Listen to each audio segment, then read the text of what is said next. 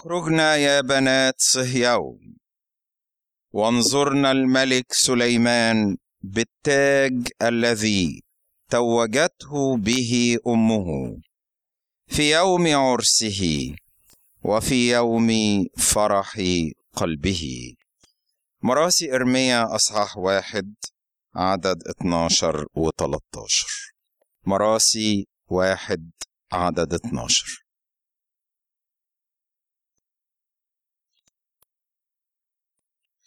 أما إليكم يا جميع عابر الطريق تطلعوا وانظروا إن كان حزن مثل حزني الذي صنع بي الذي أذلني به الرب يوم حمو غضبه من العلاء أرسل نارا إلى عظامي فسرت فيها عبرانيين اتنين الآية تسعة.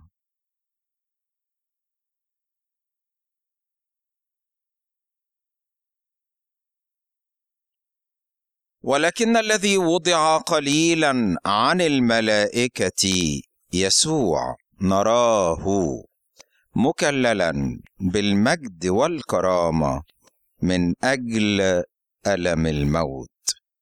أخيرا رؤيا واحد عدد سبعة.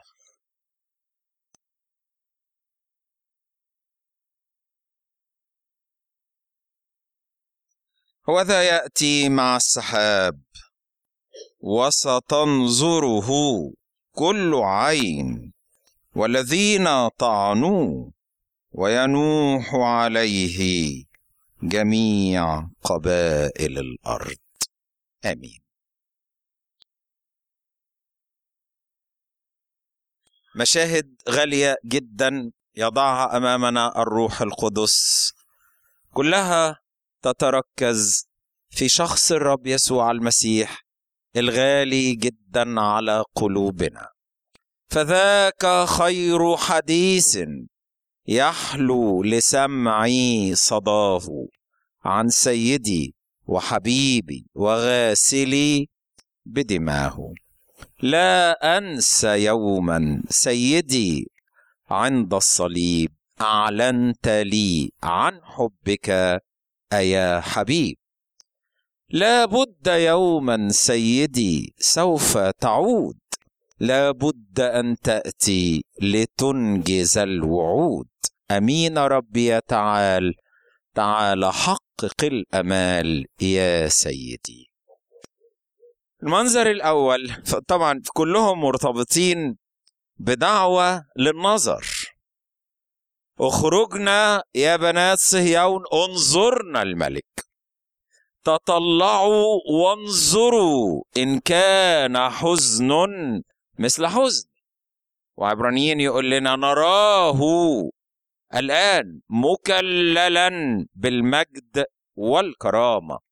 ورؤيا يقول لنا ستنظره كل عين والذين طعنوه في مشهد مجد العتيد يوم يظهر آتيا بقوة ومجد كثير على سحاب السماء. خلونا نتجاوب مع الروح القدس وهو يدعونا أن ننظر إلى هذا الشخص ونتطلع إليه.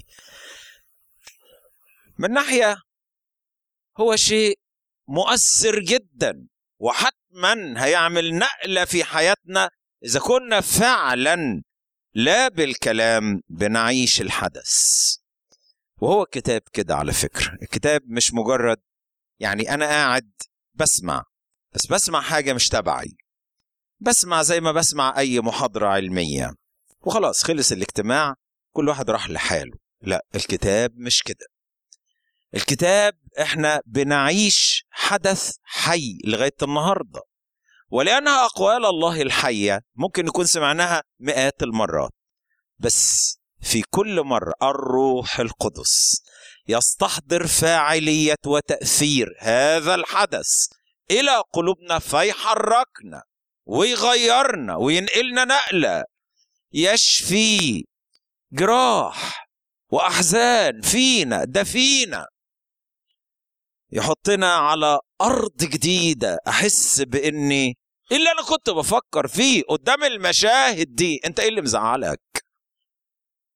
في حاجات ما حصلتش في حياتك كنت ترجوها. حبيبي انسى دول دلوقتي. وتعالى فكر في اللي يستحق فعلا إنك تفكر فيه. فانسى نفسك اذا وفكرن فيه اجتماعنا ده حوالين الرب. إحنا كلنا محصورين في شخص المسيح في قصة الحب العجيب. والروح القدس بيحكي لنا قصته من أولها إلى آخرها. وطول الأبدية هيفضل الروح القدس يستعرض أمامنا هذا الشخص ومش هنزهق ومش هيبقى شيء ممل ولا متكرر لكن بطول الأبدية هيبقى شيء جديد وحي ومؤثر فينا وينشئ فينا سجودا يملأ الأبدية. المنظر الأولاني منظر الصليب. تطلعوا وانظروا إن كان حزن مثل حزني. الذي صنع بي الذي أذلني به الرب يوم حمو غضبه. في الحقيقة المسيح مش بس أحزانه كانت عند الصليب طبعا تجمعت ووصلت إلى ذروتها عند الصليب. لكن صدقوني من يوم ما جه في العالم والحزن كان رفيقه. تخيلوا هذا الشخص أول ما فتح عينيه في الدنيا. عشان بس ما حدش يصعب عليه نفسه وما حدش يصعب عليه ظروفه ويقعد يرثي لنفسه. تعال بص على رب المجد. في أول يوم جه إلى العالم وهو بيفتح عينيه لقي نفسه فين؟ النقلة الكبيرة جدا. من عند الآب خرجت وأتيت إلى العالم. مش مكانك يا رب المجد إنك تتولد في مزود وسط الحيوانات في مكان غير ملائم للحياة الآدمية. من أوله مرفوض من أوله ملوش مكان في الدنيا دي. العالم رفض ضاقت به كل البيوت أغلقت في وجه العذراء المطوبة. القديسة مريم كل الأبواب. واحدة جاءت ساعتها لتلد الموقف أي إنسان يتعاطف معاه؟ إلا مع هذا الشخص. الشيطان اتصدر كان مزمعا. أن يبتلع الابن البكر متى ولدته. التنين الأحمر بتاع رؤية 12 واقف بيتصدى ليه من أول ما مش عايزه يجي. وأول ما هيتولد واقف له علشان يقتله بأي شكل. اتولد. اتولد في مزود حقير. راضيا ضحى غناه حتى يغني الفقراء. أكيد إن العذراء مريم كانت صعبان عليها جدا الوضع إنه ده اللي الملاك قال عنه هذا يكون عظيما وابن العلي يدعى ويعطيه الرب الإله عرش داوود فيملك ولا يكون لملكه نهاية. يبقى أوله في المكان ده ليه؟ إذ لم يكن له موضع في المنزل. ضاقت به كل البيوت فاتولد في المزود. بس هو ما كانش زعلان. اتعرض لمحاولة قتل وهو طفل. بصوا رجل الأحزان. طب ده عمل إيه؟ عشان هيرودس مزمع أن يطلب الصبي ليهلكه. طب ما تحوش ما تحوش أيها الآب هيرودس. انت تقدر تبعت ملاك يقصف حياة هيرودس. هي دي صعبة عليك. ده انت بعت ملاك مش خد واحد خد 185 ألف. إحنا المرة دي مش عايزين العدد ده كله بس كفاية قوي علينا انك تاخد هيرودس. لا أنا مش هاخد هيرودس. امال هيرودس هيقتل كل اطفال بيت لحم وتبقى مذبحة دموية. رهيب اطفال. ده ده ده طوب الأرض يتعاطف مع أطفال. ما لهمش أي ذنب. هو ما يهموش الأطفال. وأصل من وراه قوة شيطانية. هو مش عايز الأطفال هو عايز يسوع. يسوع. أين هو المولود؟ ملك اليهود. تترفق العناية ويظهر ملاك. مش عشان يموت هيرودس لكن عشان يقول ليوسف في حلم الليل خذ الصبي وقوم واهرب إلى مصر. تخيلوا الربكة اللي كانوا فيها يوسف ومريم. ومضطربين قد إيه؟ أصلي المرة دي مش واحد عادي لكن المرة دي هيرودس الدموي مزمع أن يطلب الصبي ليهلكه. هم مضطربين. بس يا حبيبي أنت كان حالك إيه؟ أي حال كنت فيه؟ قال لا أنا أنا مش مضطرب ابدا. لأنك انت جذبتني من البطن جعلتني مطمئنا على ثديي أمي. رجل أحزان مرفوض مستهدف للعناء والعداء والقتل. رجع بعد ما مات هيرودس وظل في الناصرة يشتغل بيدين راضيتين نجار في الناصرة. إمكانيات بسيطة جدا محدودة جدا. ظهرت لما قدموا عنه تقدمة الفقير في الهيكل وهو عنده 40 يوم. لم تنل يدها. أنت تستحق الدنيا واللي فيها وأنت أكبر. بس إحنا ما عندناش. المشكلة إن إحنا اللي فقراء وإمكانياتنا بسيطة وعلى قدنا قوي. إن أنت ترضى تعيش وسطينا إحنا وتتربى في البيت المتواضع ده ده كتير قوي قوي قوي علينا. وهو لم يبدي في أي يوم أي اعتراض أو تذمر. وعاش راضيا بما حتمته المشيئة ورسمته المشيئة الإلهية لي. لا سمعنا منه شكوى ولا لمحة من غضب بطول الرحلة ماشي لأن ولا اعترض. مثال. بس رجل الأحزان لما طلع للخدمة وترك أدوات النجارة والسما تتفتح له والأب يعلن ده ابن الحبيب الذي به سررت. الناس كلها لمدة 30 سنة بيقولوا عليه ده ابن النجار ابن النجار. ولأول مرة الآب يقول ده مش ابن النجار. هو ما قالش ولا مرة أنا مش ابن النجار. لكن الآب ده ابني الحبيب الذي به سررت. أول أربعين يوم ظروف غريبة جدا اللي عدى فيها. أربعين يوم ما فيش رغيف. عيش واحد جعان. يجرب من إبليس. ولا أن ولا اعترض ولا زعل ولا قال للأب ليه لكن في كل حياته. نعم أيها الأب لأن هكذا صارت المسرة أمامك. يجرب ويمتحن. مش بس من الشيطان لكن من أعوان الشيطان. يتعرض لسبع محاولات ست محاولات قتل قبل الصليب. يطلع ملوش مكان في الدنيا دي ففيش بيت يتفتح له فيروح ينام في الجبل من سكات كده. لكن إيه ده؟ إيه ده؟ أنت زعلان؟ أنت بتشتكي؟ صدقني أقول لك ولا تقدر تفتح بقك. سامحيني ولا تقدري تفتحي بقك. وإحنا بنتأمل في رجل الأحزان. ما هو اتكتب عشان كده. ما يصعبش عليا نفسي. وأنا باصص على رب المجد. تفكروا في الذي احتمل من الخطاة مقاومة لنفسه مثل هذه. أنت زعلان على حاجة أو حاجتين؟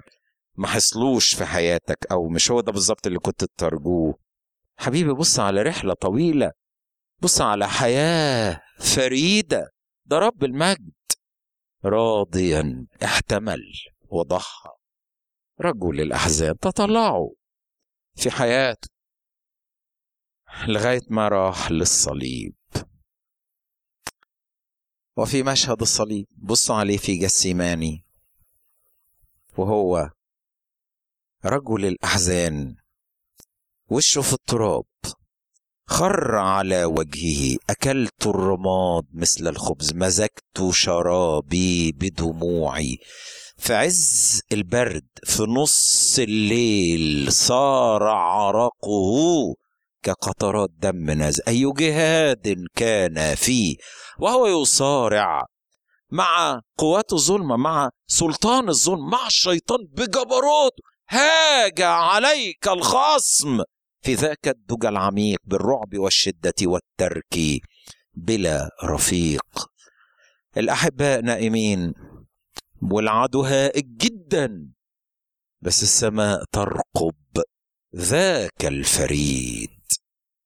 صرخاته بصراخ شديد ودموع أسمع صوت بكاء يحمل الريح صدى ما تراه إن في البستان شخصا اوهن الحزن قواه وأذاه من تراه؟ إنه الرب يسوع في صلاة للإله. إنه قد ذاب حزنا إذ رأى الموت المرير كم عسير ورأى نفسه بين الناس موثوقا يسير كالأسير. هل رأيتم كيف من حمل خطايانا أضير ذا القدير؟ وهما بيوثقوا يديه مع إنه مقتدر. يعني أول ما طلع من البستان وليه 600 عسكري جايين يقبضوا عليه. جند فرقة. جايين علشان يمسكوه. ومعاهم سلاح. ويهوذا بيتقدموا قديت جرح قديت جرح تطلعوا إلي. كل لقطة. يا إخو. يا أخوات. كل وقفة. قدام هذه المشاهد دي ما ينفعش نعديها كده نكروتها. لكن ده إحنا نقف. نقف عليها. ليالي وأيام.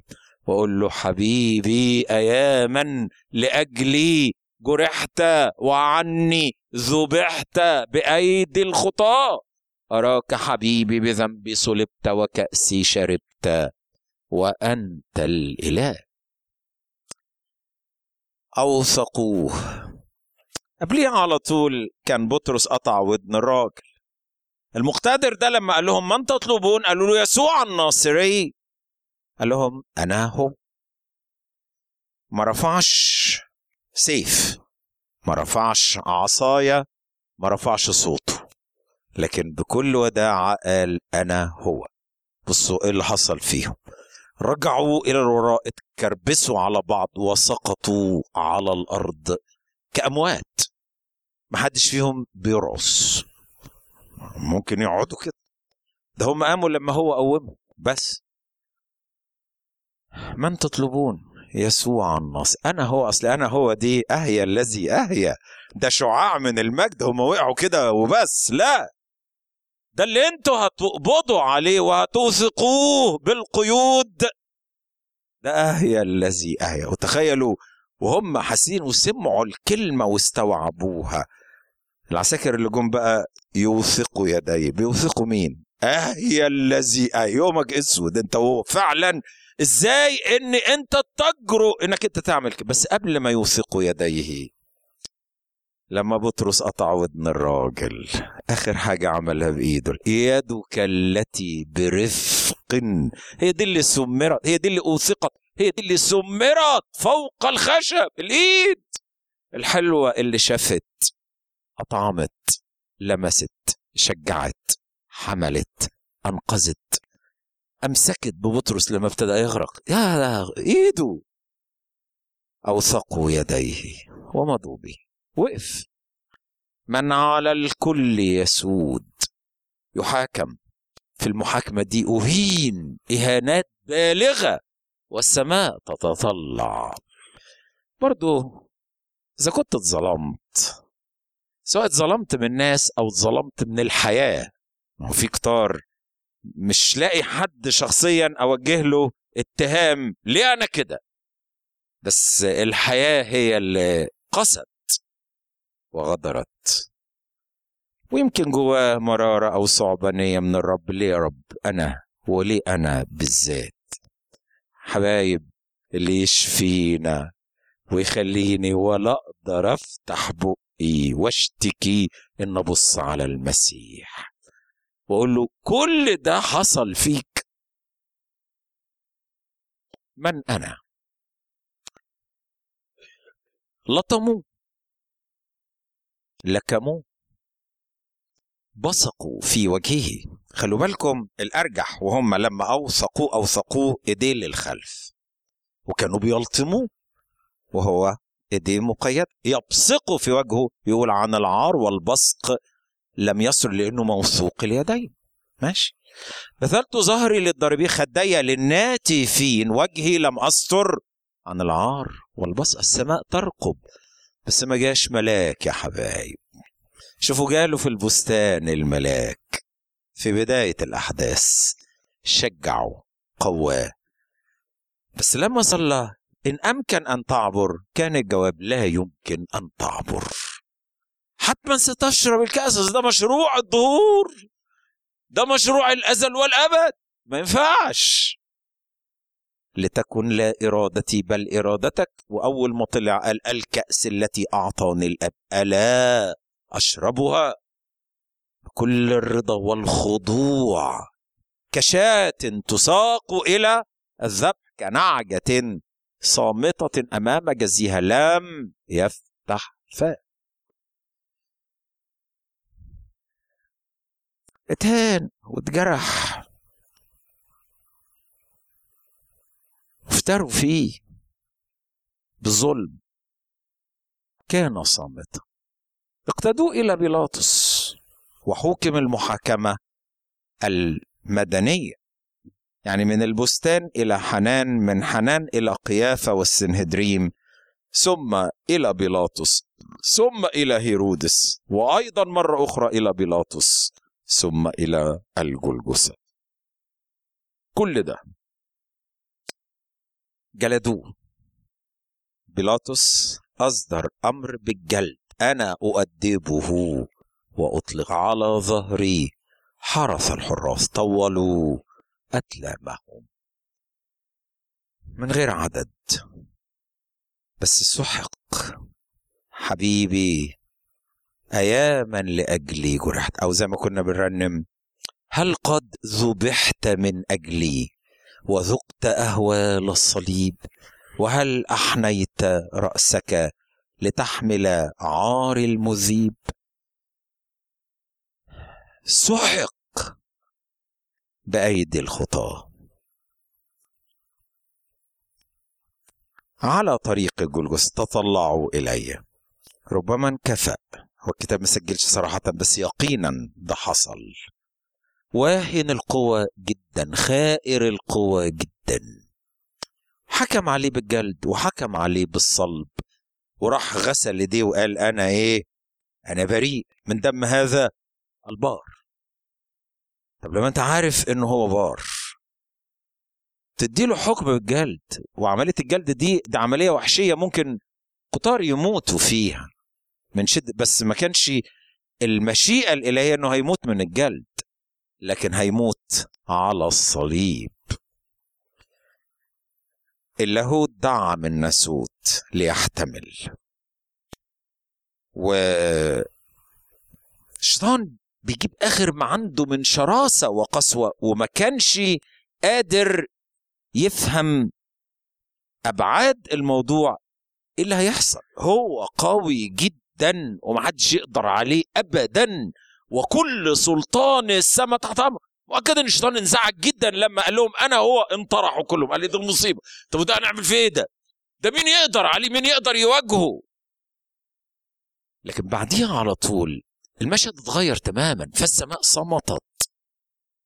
وهو بيفتري. ومش شايف لا ملاك جه ولا 12 جيش من الملائكة جم.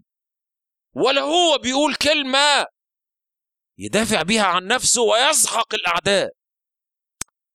فهو مش قادر يفهم في إيه بالظبط.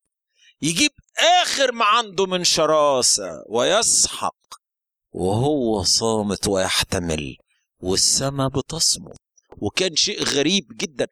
الشيطان ما كانش قادر يفهم طبيعة صمت السماء تجاه هذا البار. هي فعلا السماء صمتت لغاية اليوم الثالث. بس لما اتحركت اتحركت بشكل يعني كلنا نسجد ليه. كان لازم تمشي كده. الأمور والسيناريو كان لازم يمشي طبقا مش للي الشيطان عايزه ولا اللي عايزينه رؤساء الكهنة ولا اللي عايزه بيلاطس ولا الرومان ولا العالم بكل اللي فيه. لكن بمشورة الله المحتومة وعلمه كلما سبقت فعينت يدك أن يكون. هو ده اللي حصل بالتمام. وخضع واتضع واحتمل بصبر وأكمل العمل وهو على الصليب. بس يلفت نظرنا حاجتين على طريق الجلجثة الرهيب. لما العساكر أدركوا إنه مش هيقدر يكمل المشوار وإنه قواه الطبيعية الإنسانية خارت تماما. واهن القوى تماما إنسانيا جسمانيا نفسيا. إنسان. سخروا سمعان القيروان. لقطة جميلة. فيها دروس مؤثرة جدا. الراجل ده ليس له خبر ما يحدث. راجع من الحقل مروح البيت. هو راجل حلو وراجل شهم وراجل خدوم. بس التكليف غريب قوي. طب أنا دلوقتي مش فاضي سامحوني. أنا النهارده بالذات ورايا 100 حاجة ومضطر إن أنا أستأذنكم ولازم أروح. بصوا أنا خدوم وأنا ما بتأخرش في الواجب. بس اجيلكم بكرة واللي أنتوا عايزينه أعمله. كانت فاتت منه فرصة العمر. بس تحت التحكم الإلهي وهو لا يدري بتلقائية. بص في عينين المسيح بص في وشه. إيه ده؟ ملامح النعمة والوداعة والهدوء والسلام. بس كمان رجل الأحزان مسحة حزن دفين كبيرة جدا. ما قدرش. ولا أقدر أقول لكم لأ. رغم ان ورايا حاجات كتير ورغم إن أنا راجع تعبان بس لأ. قبل التكليف. وحمل الصليب خلف يسوع. يسوع ماشي من قدام وهو ماشي من ورا. ويسوع كل شوية يبص له لورا ويقول له متشكر. متشكر جدا. مش ممكن أنسى لك الجميل ده. أنت خففت عني عمل الراجل ده؟ عشان نعرف إحنا نقدر نعمل حاجات ولا إحنا مفيش. هو الراجل ده إيه اللي عمله؟ الراجل ده أعطى للرب بعضا من قوته الجسدية. خفف عنه هذا الحمل الثقيل وأعطى للرب بعضا من وقته الثمين. شوف أنت قوتك بتعمل بيها إيه وقتك بتعمل بيه إيه؟ هل عندك في وقتك الغالي مكان للمسيح ولا لا؟ مكان للكتاب المقدس ولا لا؟ للخلوة معاه ولا لا؟ لخدمته ولا لا؟ أنت عندك وقت تعمل حاجات تاني بتاعتك وتتبسط. أما إنك تعمل حاجة للمسيح فدي اللي أنت مش لاقي لها وقت خالص. طاقتك ومجهودك وإمكانياتك وفلوسك. يا حبيبي ده بيقدر. يا حبيبي ده هي فرصة بتجيلك. صدقني. لما الراجل ده. دي كانت بالنسبة له فرصة عرف ينتهزها ويستغلها على أحسن ويعمل حاجة خلدت. لو اعتذر. كان هيروح البيت. حد فينا كان يجيب خبره. اسمه كان اتكتب. ده كان عنده ولدين. ومن ضمن المكافآت اللي الرب كافأ بها هذا الرجل إن الولدين الكسندرس وروفس الاثنين طلعوا خدام للمسيح وأساميهم على صفحات الكتاب. شيء رائع جدا. حبايب هو بيقدر. شوف أنت هتتعب عشانه شوية ولازم تتعب. ومفيش خدمة من غير تعب. ثقافة الرفاهية مش هتنفع في الأمور الروحية. لأن المسيح ما عاش شخص مرفه. ولما خدم افنى قدرته وقته وعلم الدنيا العطاء. يبقى إحنا بنتعلم منه. عايزين نرضيه عايزين نفرحه عايزين نعمل حاجة ليها قيمة. وهو بيقدر. بيبص لك. يا حبيبي شكرا إنك تعبت علشان. وده ممكن يبقى بسيط صدقني. صحيت بدري شوية. عن المعتاد. وخدت خلوتك. وقعدت تصلي لأجل احتياجات مهمة قوي وحاجات وأشخاص محتاجين جدا إنك ترفعهم. وهو بص عليك. برافو عليك. أنت اديت شوية وقت حلوين وصحيت بدري وضحيت بشوية نوم. بس أنت عملت حاجة مهمة. رفعت السماعة سألت على واحد. دعيت واحد للاجتماع فت عليه بالسيارة بتاعتك. حسيت باحتياج مادي وشاركت فيه بشكل أو آخر. لعلمك كل حاجة صغيرة قد كده عينه بترقبها بيبص عليك ويبص على قلبك الحلو والدوافع اللي انت عملت بيها الحاجة دي ويقول لك شكرا. بس شكرا دي دي كبيرة قوي منه. شكرا دي انت هتعرف بقيمتها هنا وقدام كرسي المسيح. فالمكافأة هتبقى أضعاف اللي انت عملته ومش هتندم على اللي عملته لكن ممكن تندم على اللي ما عملتوش. على طريق الجلجوثة رهيب طلعوا بنات أورشليم. اصطفوا على جانبي الطريق وهما بيبصوا على هذا المنظر الرهيب. إيه ده؟ إزاي الشخص الحلو ده؟ اولا بيبصوا على وشه. صار منظره كذا مفسدا أكتر من أي رجل. صورته لا تبدو وجها آدميا. إيه ده؟ ده اللي عامل كل شيء حسنا. ده اللي خدم وتعب وافنى قدراته. وعمل كل الرحمة وكل النعمة مع كل الناس. يتعمل فيه كده. جازوه شرا عوض خير بغضا بدل حبه. وقفوا بيلطموا. وينوحوا عليه. إزاي؟ العود الرطب الوحيد اللي يستحق الحياة. تنتزع حياته من الأرض بالسرعة دي بالشكل المهين ده يكتبوا النهاية. مات بين المذنبين. إحنا قرينا في نشيد 3 11 اخرجنا يا بنات صهيون اللي هم بنات أورشليم. وانظرنا. مش رجل الأحزان في يوم حزنه العميق. انظرنا الملك بالتاج في يوم عرسه ويوم فرح قلبه. بس ده لسه ده متأجل بس هيحصل أكيد. بعد ألف سنة من نشيد ثلاثة طلعوا بنات أورشليم هم دول برضي.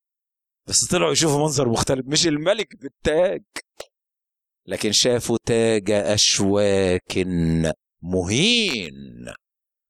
شافوا رجل الأحزان في يوم مش فرح قلبه لكن في يوم حزنه العميق. ما استحملوش. وكانوا بيبكوا بيبكوا بيبكوا ويلطموا عليه ينحن ويلطمنا عليه. رنين أناتهن المشفقة غمر نفسه بإحساس مريح. من نوع إحساسه بمحبة مريم عندما كسرت قارورتها ودهنت قدميه بالطيب ومسحتهما بشعر رأس. قد كان مرتاح؟ قد كان فرحان؟ مشهد عداوة بس فيه لمسات حلوة. تطلعوا وانظروا. وبعدين عند الصليب جم سمروه. تدق يداك فداء يد يا لي من آثم معتدي لك من غافر مفتدي تدق يداك فداء يدي فماذا أرد لك سيدي؟ هو ده السؤال اللي إحنا نطلع بيه من الاجتماع. فماذا أرد لك سيدي؟ أنا متقوقع حوالين نفسي وعمال أفكر في نفسي وأحيانا أرسي لنفسي. يا حبايب بصوا على المسيح. أرجوكم نطلع بره أنفسنا ونبص على المسيح. نظرتنا للحياة كلها هتختلف. إحنا كائنات مختلفة. الرب يتوقع منك شيء مختلف. طب ما اللي عملوا كده ما هم موجودين والعالم لغاية النهاردة ما هو كده ما اتغيرش. متى يموت ويبيد اسمه. لما غرسوا في الرأس تاج الأشواك ده ضربوه بقصبة على رأسه بقضيب على خديه سحقوه. إحنا إحنا مش كده إحنا أوفياء. المنظر ده قال عنه المرنم هذا ما أذاب قلبي فجرت مني الدموع. وإحنا بنعيش الحدث. خليني قرب الصليب. أطلع بنفسية مختلفة بمشاعر مختلفة بحب ووفاء مختلف بنوايا تكريسية مختلفة. خلينا أعيش عمر اللي باقي على الأرض ليك. يكفى اللي ضاع من بين إيديا وأنا اسمي ليك. رفعوه سمروه. يا أبدا اغفر لهم. تطلعوا إلي اتعلموا مني. في حواراته مع صالبي في حواراته مع أمه التلميذ في حواراته مع اللص. يا حبيبي لم تنسني هناك بالرغم من آلامك. حل الظلام. وساد الصمت الساحة وكله متخشب بما فيهم قائد المئة الأممي. واقف حس إني في حاجة غريبة. ما إحنا هنا كل يوم. وكل يوم ناس بتتصلب في المكان ده. المكان ده مكان يعني مخصص للحكاية دي يعني وهم عارفين. بس إيه اللي بيحصل النهارده؟ الشمس أظلمت غطت الظلمة الأرض كلها. وصمت عميق جدا. غير تأوهات. وتنهدات رجل الأحزان. مفيش ولا واحد نطق ولا واحد اتحرك من مكانه. كله متخشب في الموقع. ثلاث ساعات. اللي كان بيحصل؟ النهارده بالأسف الشديد في ناس بتغض الطرف عن إيه اللي حصل وسط ساعات الظلام. ومن ينادي بإنه الخطية ملهاش عقاب أصلا. ليها عواقب بس. امال اللي حصل في ساعات الظلمة. أمال لما بيقول لنا في مراسي من العلاء أرسل نارا إلى عظامي فصارت فيها. ومزمور 22 صار قلبي كالشمع ذاب في وسط أمعائي. العبارة الرابعة إلهي إلهي لماذا تركتني؟ في نهاية ساعات الظلمة. يعني وسط ساعات الظلام ولا كلمة. أول ما خلصت ساعات الظلمة أربع عبارات ورا بعض في تتابع سريع. إلهي إلهي لماذا تركتني؟ اللي وراها أنا عطشان. صار قلبي كالشمع أدي النار. يبست مثل شقف قوتي. أدي العطش. أنا عطشان. تطلعوا وانظروا. ما تفوتوش الحاجات. ما تعدوهاش بسرعة. كأنها يعني حاجة رخيصة. لا حبايب ده إحنا طول الأبدية هندرك هذا الحب الذي لا ينتهي. بس من النهارده من النهارده لازم نبقى أوفياء. مش زي اللي وقفوا. كل الذين يرونني يستهزئون بي ما هو لما بيقول تط... أما إليكم يا جميع إيه؟ عابر الطريق. بس أنا عايز أقول لكم إن إحنا مش زي عابر الطريق. عابر الطريق ما يعنيهمش ما يعرفوهوش. وجايين ده كل الذين يرونني يستهزئون بي يفغرون شفا ينغضون الرأس. بس على فكرة كل دول راحوا بالمشاعر دي وقفوا بالمشاعر دي بس رجعوا بمشاعر مختلفة. رجعوا وهم يقرعون صدورهم. وكل واحد فيهم يقول هل كل ذا؟ عني أنا ما كنتش فاهم.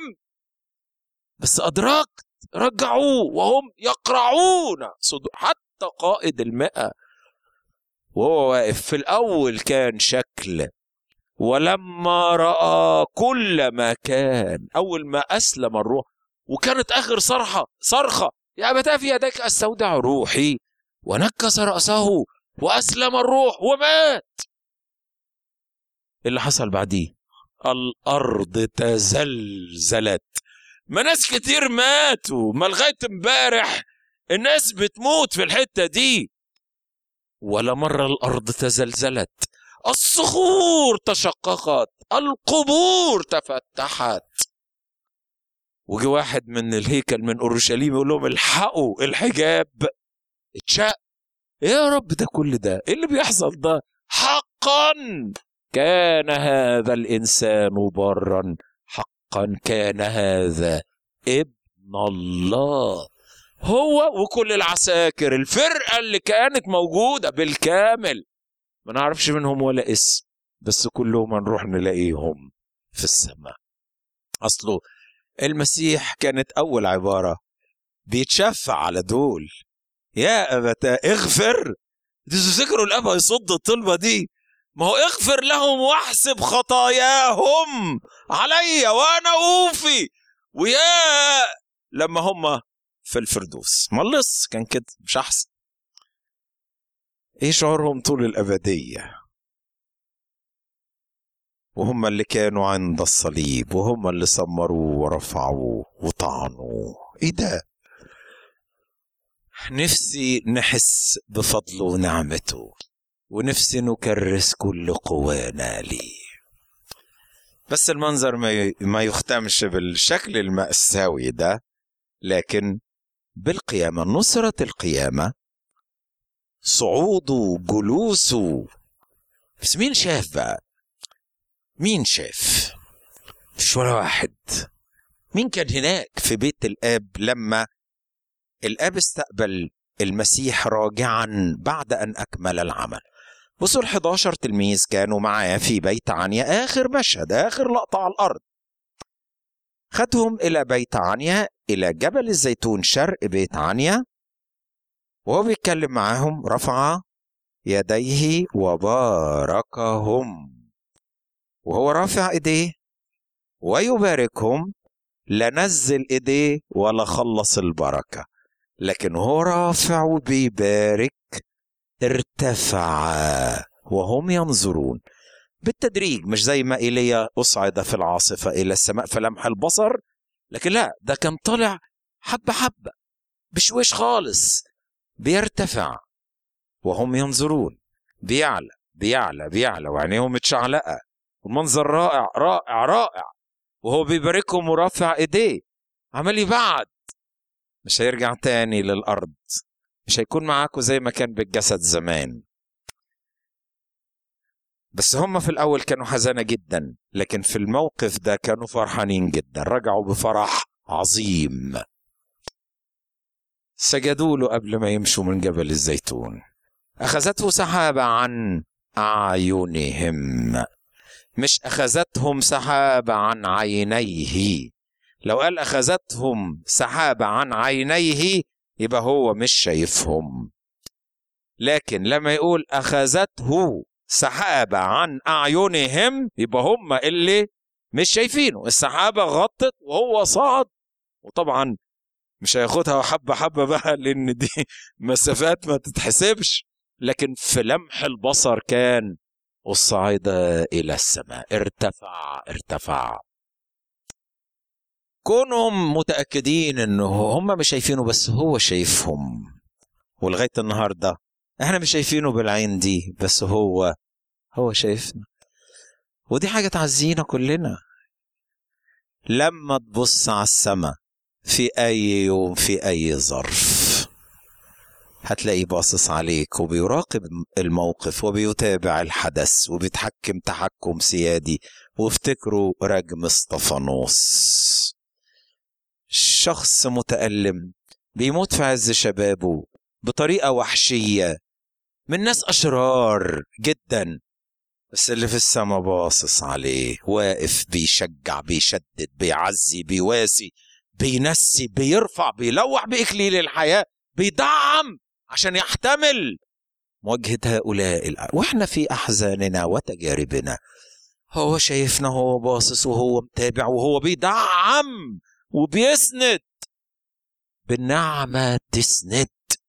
ضعف القلب بكلمة تشفي من الأحزان. حلو قوي إني أبص على حياته وأبص على مشاهد الصلب وهو عايزنا نعمل كده. بس حلو قوي قوي إن اشوفه بعد القيامة وهو جالس. إحنا منين نعرف بقى إنه جلس في يمين العظمة في الأعالي؟ ما ما شافوش وجت السحابة. إحنا شو ورانا إيه اللي حصل ورا السحابة؟ ولا واحد كان موجود هناك. لا في في شخص عظيم. الروح القدس. وهو اللي نزل يقول. وقد إيه شهادة الروح القدس عن المسيح.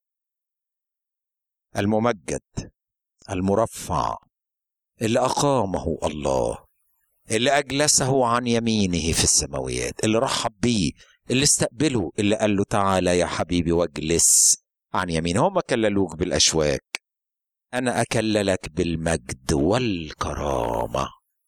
أنت تجلس معي في عرشي في مكان الإعزاز والكرامة والقوة اجلس عن يميني. جلس فوق جميع السماوات. بعدما صنع بنفسه تطهيرا لخطايانا جلس. نراه عبرانية 2 9 نراه. نشوفه إزاي بقى بالإيمان إننا بنصدق الإعلان اللي بيقوله لنا الروح القدس إنه حبيبنا النهارده فين؟ في أعلى مكان حائزا أسمى مقام. له الأجناد تشدو بوقار واحترام. عايز أقول لكم إحنا لما بنجتمع إحنا بنجتمع للشخص ده اللي هو أقامه الله رفعه أجلسه كلله دفع كل سلطان إليه جعله راسا فوق كل شيء راسا للكنيسة. إحنا أعضاء الجسد هو الرأس. إحنا الكنيسة المجتمعة بنجتمع إلى هذا الشخص الحي. الذي لا يسود عليه الموت المكلل بالمجد والكرامة صاحب كل إحنا بنسجد لشخص هو ده.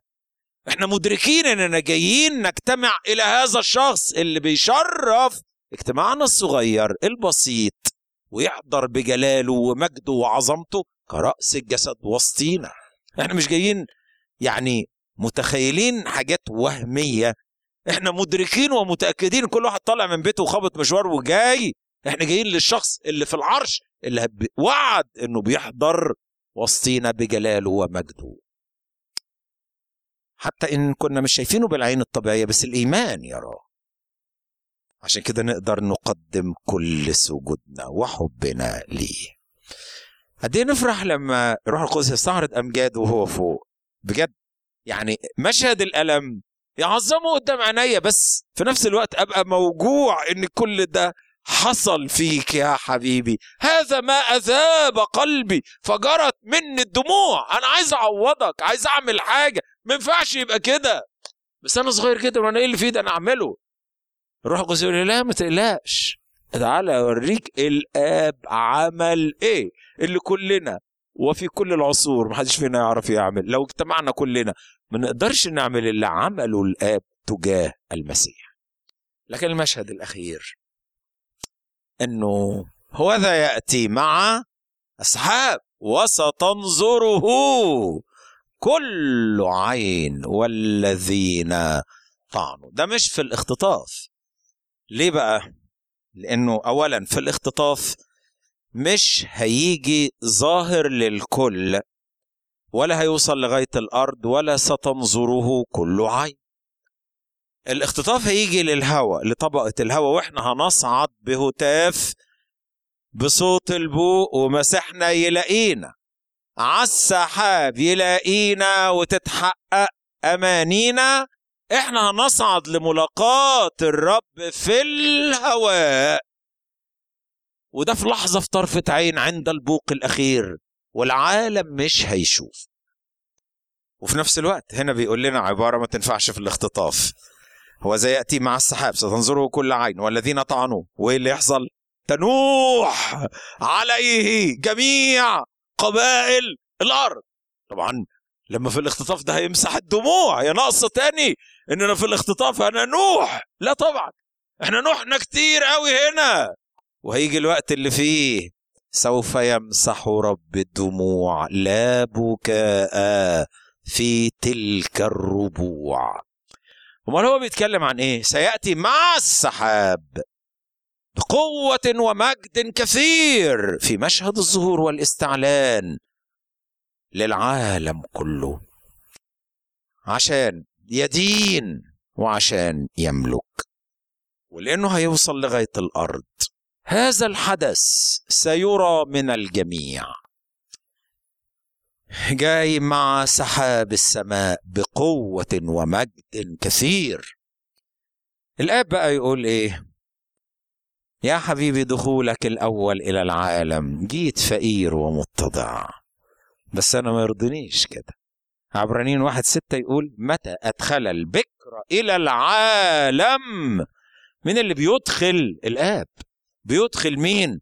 المسيح. البكر. البكر يعني المقام من الأموات وصاحب المقام الأرفع والأسمى. الأب بيكرم ابنه قدام كل العالم.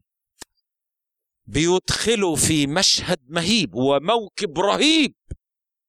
يقول ولتسجد له كل ملائكة الله قبل ما الناس تسجد. كل الرتب الملائكة المشهد فعلا مبدع جدا جدا. يفرح ويشرف. نفتخر بيه. حبيبنا ده اللي أهين هيكرم. وهو جاي على سحاب السماء. كل ملائكة الله بكل الرتب. كلهم هيسجدوا ليه. ويجي. وإحنا هنيجي معاه. وتراه الأرض كلها في يوم مجده. طب ليه هينوحوا؟ هما مين اللي موجودين على الأرض؟ ما هو فريقين. طبعا الكنيسة خلاص دي اختطفت وحتى مؤمن العهد القديم والناس دول كلهم مش مش موجودين على الأرض اللي عايشين على الأرض. يا إما البقية اليهودية التقية اللي آمنوا في الضيقة واتضغطوا في الضيقة وانسحقوا في الضيقة وآمنوا. الإخوة الأصاغر. ومعاهم الأمم الخراف يا إما الأشرار الباقيين الأمم اللي على الأرض. ليه هينوحوا؟ اليهود هينوحوا لأنهم طعنوه ورفضوه في مجيئه الأول. ما كناش فاهمين كده. إحنا حسبناه مصابا مضروبا من الله ومذلولا. وأتريته كان مجروح من أجل معاصينا إحنا ومسحوق من أجل اثامنا إحنا. زكريا 12 فينظرون إلي الذي طعنوا وينوحون. أما الأشرار فهينوحوا لأنهم بيواجهوا الديان اللي جاي لهم كالأسد الخارج من سبط يهوذا. ما أنتوا رفضتوه كالحمل وذبحتوه. هتشوفوه كالأسد في يوم مجده وفي يوم قوته. بس تظهر بقى اللقطة بتاعت نشيد ثلاثة هنا إن بنات أورشليم اخرجنا يا بنات صهيون وانظرنا الملك بالتاج اللي كان سليمان رمز ليه. بس الحقيقة من هو أعظم من سليمان؟ ها هنا. لما يقبل شعبك منتدب في يوم قوتك من رحم الفجر لك طل حداثتك. مزمور 110 هيقبلوه هيتوجوه هي... هيرحبوا بيه هيتوجوه. وتوجوه وحده ربا على الكل. هم هيقبلوه ويتوجوه في يوم قوته. بس إحنا النهارده بنقبله ونتوجه على حياتنا وعلى قلوبنا في يوم رفضه له كل